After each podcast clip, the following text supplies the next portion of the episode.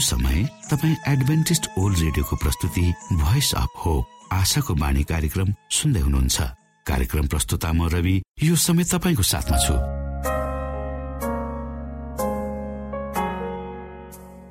आशाको बाणी कार्यक्रम सुन्नको निमित्त पर्खेर बस्नुहुने समस्त प्यारा श्रोता वर्गमा हामी न्यानो अभिवादन व्यक्त गर्दछौँ। हाम्रा महान परमेश्वरको प्रेम यसो ख्रिस्टको अनुग्रह र पवित्र आत्माको अगुवाईका विषयमा साँचो र सही सन्देश प्रस्तुत गर्ने क्रममा हामी छौँ। र श्रोता दैनिक तपाईँले यी अध्ययनहरूका विषयमा सुन्दै जाँदा मनन गर्दै जाँदा तपाईँको जीवनबाट पनि ख्रिस्टको उपस्थिति झल्किन सकेको होस्।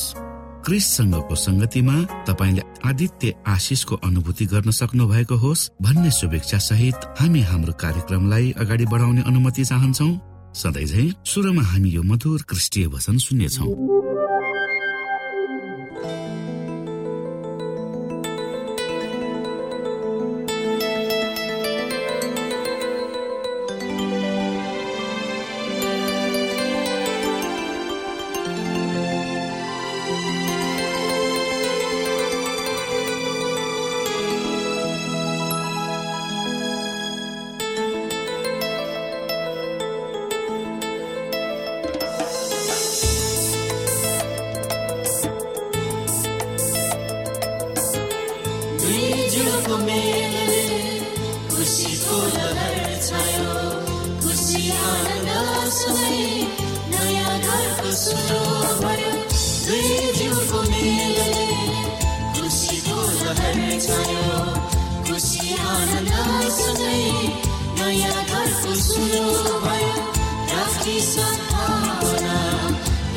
युगलाई यही हम प्रार्थना यही हाम्रो प्रार्थना दुई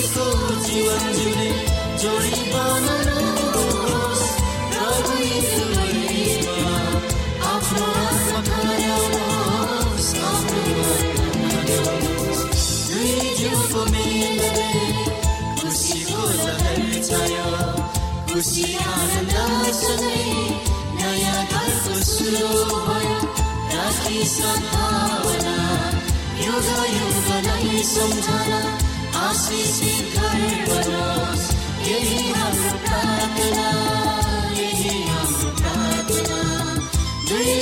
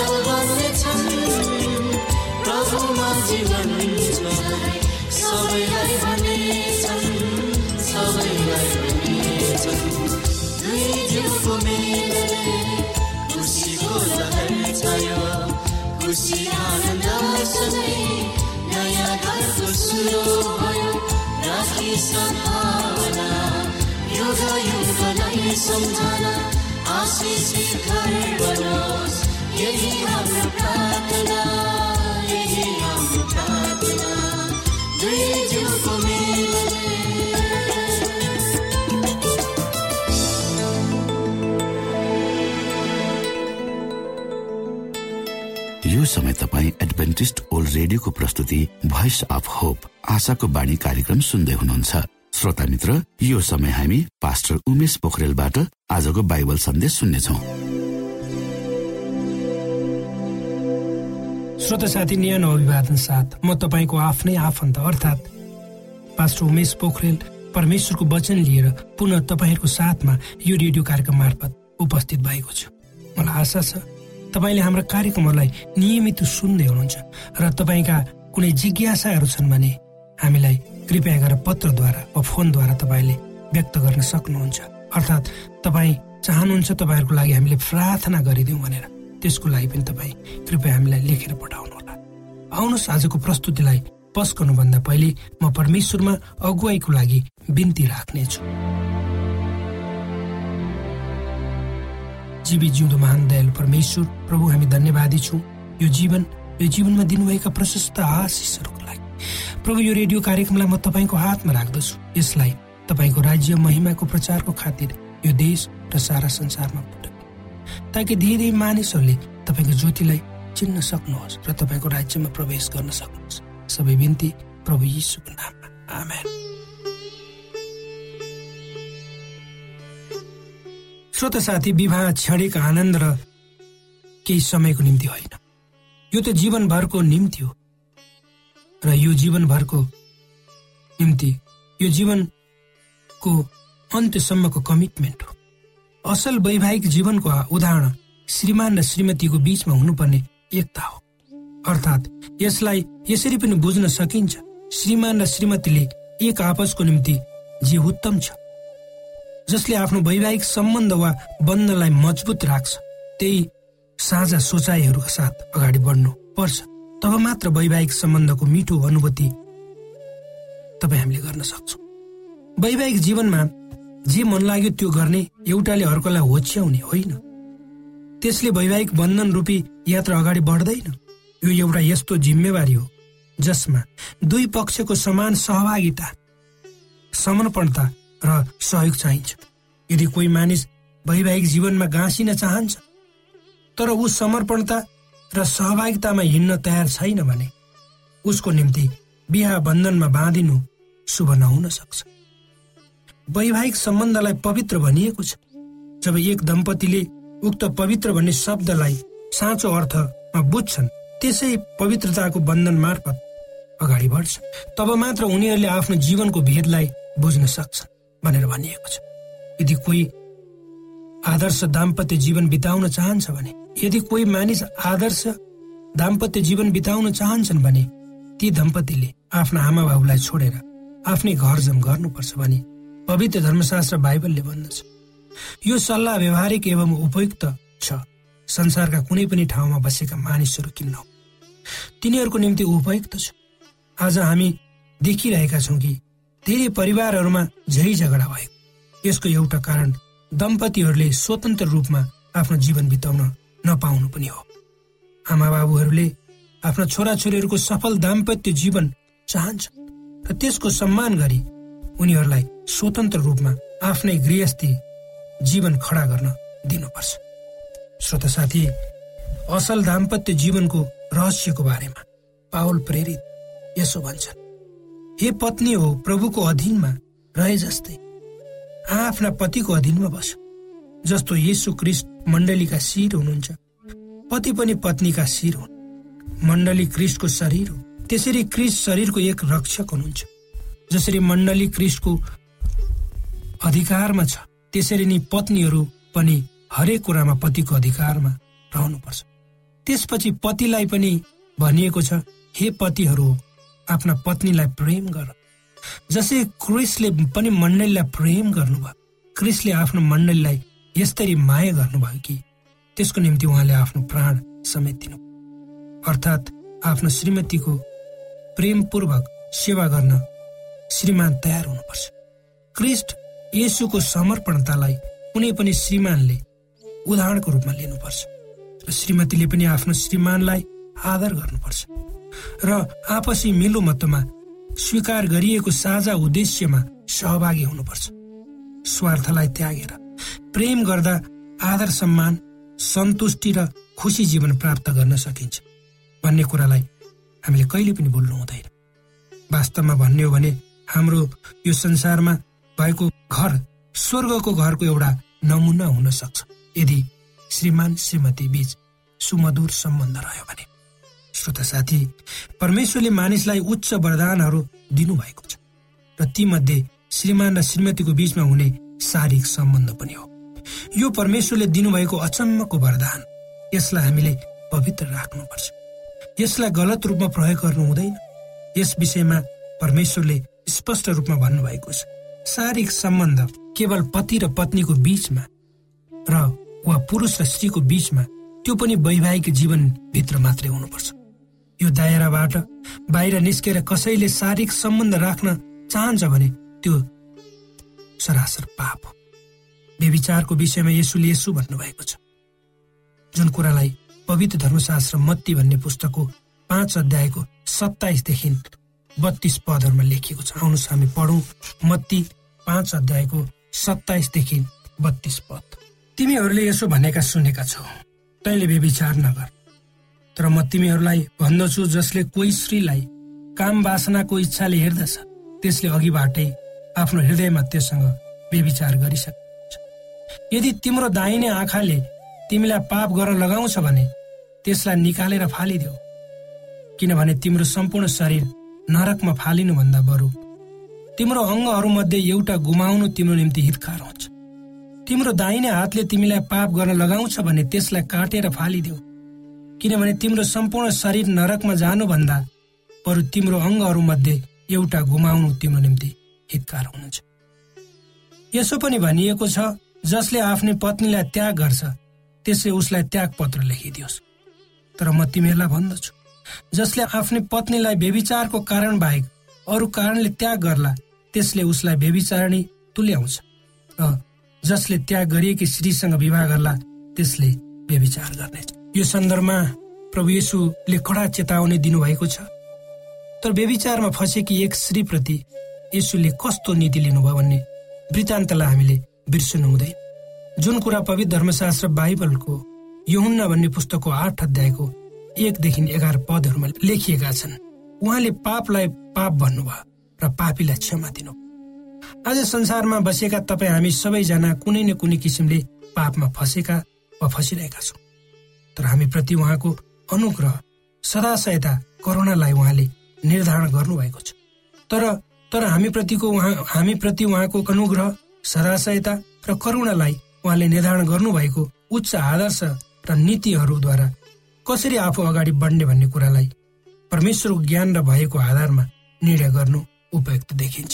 श्रोत साथी यदि हाम्रो ज्ञानसँग उचित यौन जीवनको शुद्धता घाँसिएको छ भने निश्चय नै हामीले दाम्पत्य जीवनको पवित्रतालाई उचालेका हुन्छौँ। यदि हामीले आफूलाई परमेश्वरका सन्तान हौ भन्ने कुरालाई व्यवस्था गर्यौँ भने तब हामी आफ्नो दाम्पत्य जीवनमा पनि खेलबाड गर्न पुग्दछौँ। विकासवाद सिद्धान्तले नर र नारी बीच हुने शारीरिक सम्बन्धलाई शुद्धतासँग गाँसेको देखिँदैन। जीव जन्तुहरूको कुरा फरक छ। कतिपय जनावरहरूका धेरै जोडीहरू हुन्छन्। कुनै कुनै जनावरहरू यौनजन्य क्रियाकलापमा अत्यन्तै तल्लीन पनि हुन्छन् र आफ्नो जीवन साथीसँग वफादार भएर बस्ने जनावरहरू कमै हुन्छन्। तर वैज्ञानिक अनुसन्धानले यो पनि पत्ता लगाएको छ कि धेरै जनावरहरू आफ्ना जोडीहरूसँग वफादार भएर बसेको देखिए तापनि उनीहरूलाई नैतिक रूपमा वफादार रहन आवश्यक भएको महसुस गरेको देखिँदैन। पोथी जनावरले कतिपय बच्चाहरू पाउँछन् तर तिनीहरूको बाबु एउटै हुनुपर्छ भन्ने छैन। परमेश्वरले सृष्टि गर्नुभएको सृष्टिको अवधारणालाई मान्न आदर्श दाम्पत्य जीवन भनेको के हो भनेर हामीले परमेश्वरले सृष्टि गर्नुभएको अवधारणालाई हामीले बुझ्यौँ भने मात्रै आदर्श दाम्पत्य जीवन के हो भन्ने कुरा हामीले जान्न सक्छौँ। श्रोत साथी ख्रिस्ट उहाँका भक्तजनहरूको बीचको पवित्र सम्बन्धलाई बुझाउन दुवै पवित्र धर्मशास्त्रको पुरानो करार र नयाँ करारकामा विवाहको विषयमा उदाहरणहरू दिएका छन्। काना भने प्रान्तमा यसुले उल्लासपूर्ण विवाहको समारोहमा भाग लिनुभएको थियो भनेर भनिन्छ। त्यसले त्यो उल्लासपूर्ण समयको दिनलाई याद दिलाउँछ। जब क्रिसले आफ्नो चर्च रूपी दुलाईलाई परमेश्वर पिताको घरमा भित्र्याउनु हुनेछ अनि मुक्ति पाएका भक्तजनहरू थुमासँगै विवाहको भोज खान बस्नेछ। श्रोत साथी असल दाम्पत्य जीवन र र खुसी तथा सन्तोषी घर परिवारको बारेमा पवित्र बाइबल धर्मशास्त्रले भनेका कुराहरूमा हामीले ध्यान दियौँ भने फेरि असन्तुष्ट असफल र बेखुसी दाम्पत्य जीवनको विषयमा बाइबलले उनलाइका उदाहरणहरूलाई हामीले हेर्यौं र ती दुवैलाबाट हामीले आफ्नो दाम्पत्य जीवनलाई कसरी स्वस्थ र मजबुत बनाउन सक्छौँ भन्ने कुराको आत्मज्ञान हामीलाई हुनेछ। परमेश्वरले तपाईँ र मलाई पवित्र दाम्पत्य जीवनको वास्तविक अर्थ बुझाइदिनुहोस्। र त्यसै अनुसार हामी जहिलेसम्म यो संसारमा बाँच्छौँ तबसम्म दाम्पत्य जीवनको सुखलाई भरपूर रूपमा हामीले अनुभव गर्न सकौँ। यही मेरो कामना तपाईँको लागि श्रोता आमेन।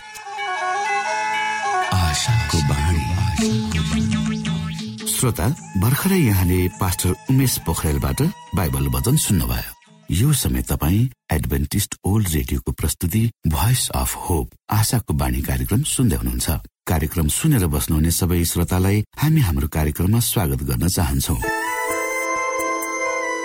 श्रोता मित्र यदि तपाईँ जीवनदेखि हरेस खानु भएको छ तपाईँका जीवनमा धेरै अनुत्तरित प्रश्नहरू छन् भने आउनुहोस् हामी तपाईँलाई परमेश्वरको ज्योतिमा डोहोर्याउन चाहन्छौँ। र तपाईँ आफ्नो जीवनका चिन्ता फिक्रीबाट निश्चिन्त हुनुहोस् र बाँच्नुको आनन्द परमेश्वरको सामिप्यमा कति मिठो हुन्छ त्यो चाख्नुहोस् भनी हामी चाहन्छौँ।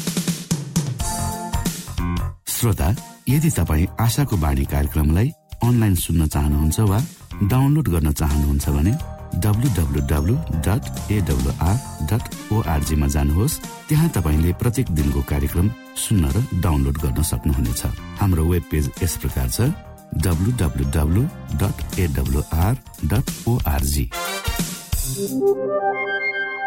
श्रोता यदि तपाईँ हामीसित सिधै फोनमा सम्पर्क गर्न चाहनुहुन्छ भने हाम्रा नम्बरहरू यस प्रकार छन्। अन्ठानब्बे एकसाठी पचपन्न शून्य एक सय बिस।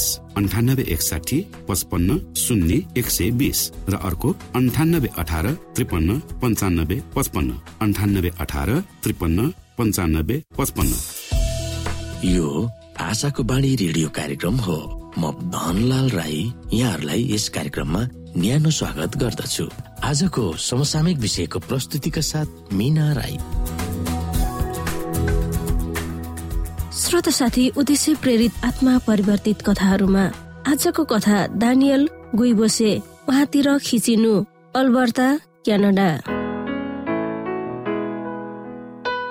श्रोत साथी जब अल्बर्टा क्यानाडामा रहेको मामा बे आटो सकिटान स्थानीय स्कुलको चर्चमा अगुवाई गर्न नयाँ पास्टर दानियल गुइबोसे स्कुलको समय सकिन लाग्दा आइपुगे।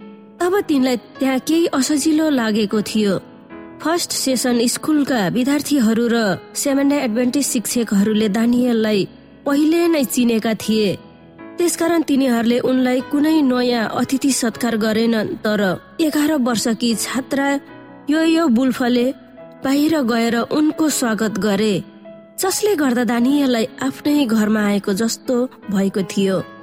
स्कुलको हाफ टाइममा यो यो म भएको ठाउँमा आउन मन पराउँथिन्। मसँग तिनी किन टाँसिन्छन् त्यो मलाई थाहा छैन तर तिनी मसँग रहन असाध्यै मन पराउँथिन्। दानियलले भने पास्टर दानियल र ती सानी छात्रा आफ्नो होमवर्क र साथीहरूको बारेमा खेल्ने मैदानमा कुराकानी गर्दथे। दानियलले यो यो र उनका साथीहरूलाई यसो र मुक्तिको योजनाको बारेमा कक्षामा सिकाउँथे। यीशुको बारेमा थाहा पाउने पहिलो एउटा एडभेन्टिस मिसन स्कुल थियो। एक दिन एउटा राम्रो किराको चित्र कागजमा कोरेर दानियललाई छक्क पार्दै लेखेकी थिइन्। तपाईँ धेरै असल पास्टर हुनुहुन्छ।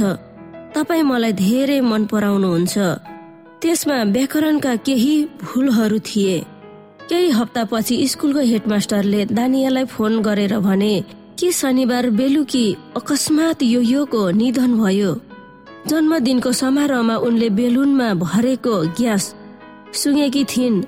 त्यतिकैमा टाउको दुख्यो भन्दै सुत्न गएकी यो यो अचानक त्यही मरेकी थिइन्। श्रोता साथी यो खबर सुनेर मलाई ठुलो सन्ताप भयो। मैले त विश्वासै गर्न सकिन। मलाई उनीसँग समय बिताएका पलहरूको याद आयो। किन यस्तो कलिलो उमेरमा उनको देहान्त भयो होला भनेर मेरो मनमा धेरै प्रश्नहरू उठ्न थाल्यो।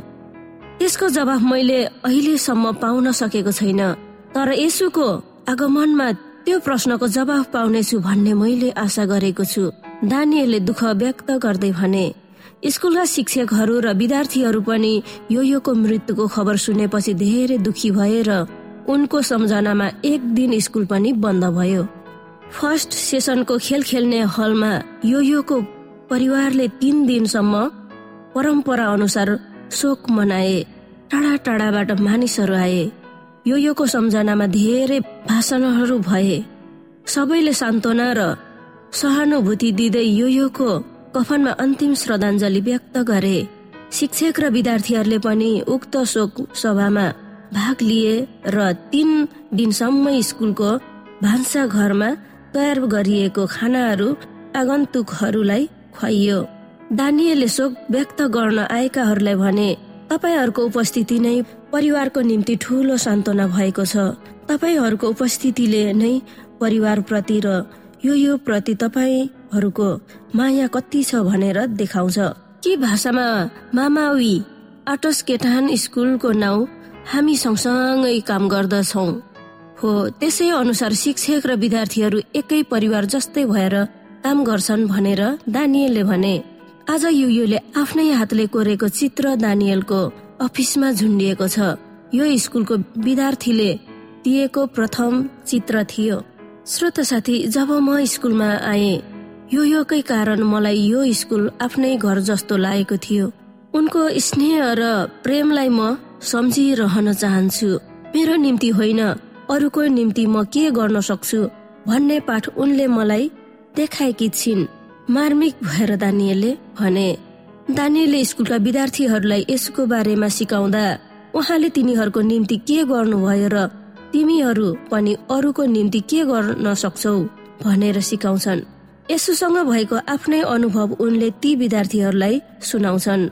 यसुलाई उचाल्ने र बाँकी काम पवित्र आत्मालाई गर्न दिने दानियलको मुख्य लक्ष्य थियो। श्रोता साथी यसुले भन्नुभएको थियो यदि मलाई पृथ्वीमा उचाल्यो भने म सबै मानिसहरूलाई महका खिच्छु। म विद्यार्थीहरूको माझमा यसुलाई उचाल्दछु ताकि तिनीहरू उहाँतिर खिचिउन्।